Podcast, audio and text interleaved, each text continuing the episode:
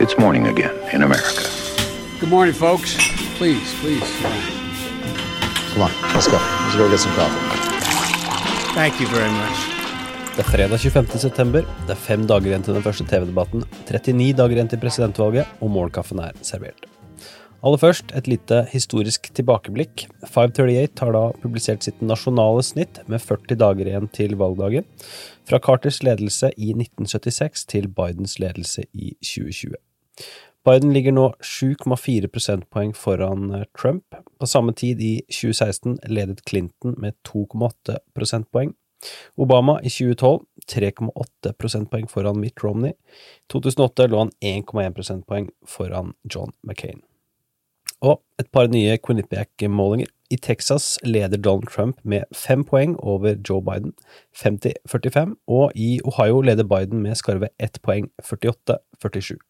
Dagens første sak, republikanere tar avstand fra Trump-kommentar.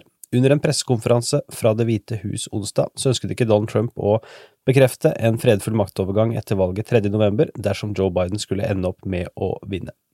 Han sa imidlertid at det ikke kommer til å bli en maktovergang i det hele tatt, men snarere en videreføring av makten. Will you commit to making sure that there is a peaceful transferal of power after the election? Well, we're going to have to see what happens. You know that I've been complaining very strongly about the ballots, and the ballots are a disaster. I understand that, but people are rioting. Do you commit to making sure that there's a No, we peaceful wanna- transfer of We want to have get rid of the ballots, and you'll have a very trans. We'll have a very peaceful. There won't be a transfer, frankly. There'll be a continuation. Kommentarene fra presidenten har ført til at flere republikanere i senatet har sett seg nødt til å komme på banen med et tilsvar som riktignok ikke nevner Trumps kommentar eksplisitt, men som garanterer for et maktskifte under ordnede former dersom Joe Biden vinner. I et forsøk på å forsvare Trumps kommentarer så pekte enkelte republikanere på kommentarer Hillary Clinton kom med for en tid tilbake. Hun rådet da Biden til ikke å erkjenne nederlaget overfor Trump under noen som helst omstendighet, da resultatet potensielt vil la vente på seg en stund i år.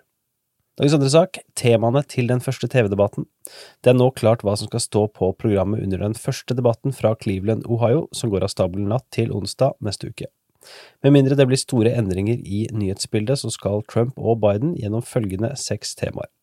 Hva kandidatene har fått til, eller gjennomført. Høyesterett, koronapandemien, økonomien, rasespørsmål med fokus på volden i amerikanske byer, og integriteten til valget denne høsten.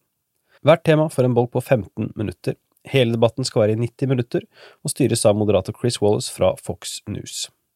Dagens tredje og siste sak, del tre og fire av stalltipsene til huset er publisert. Stalltipsene til høstens valg i huset deles i år som tidligere nevnt inn i fire artikler basert på geografisk avgrensning.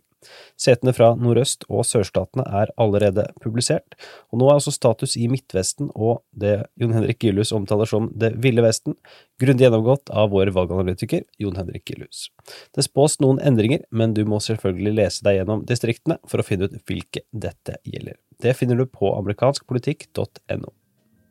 Dagens utgave av Morgenkaffen er servert av Henrik Skotte og undertegnede Are Togoflaten.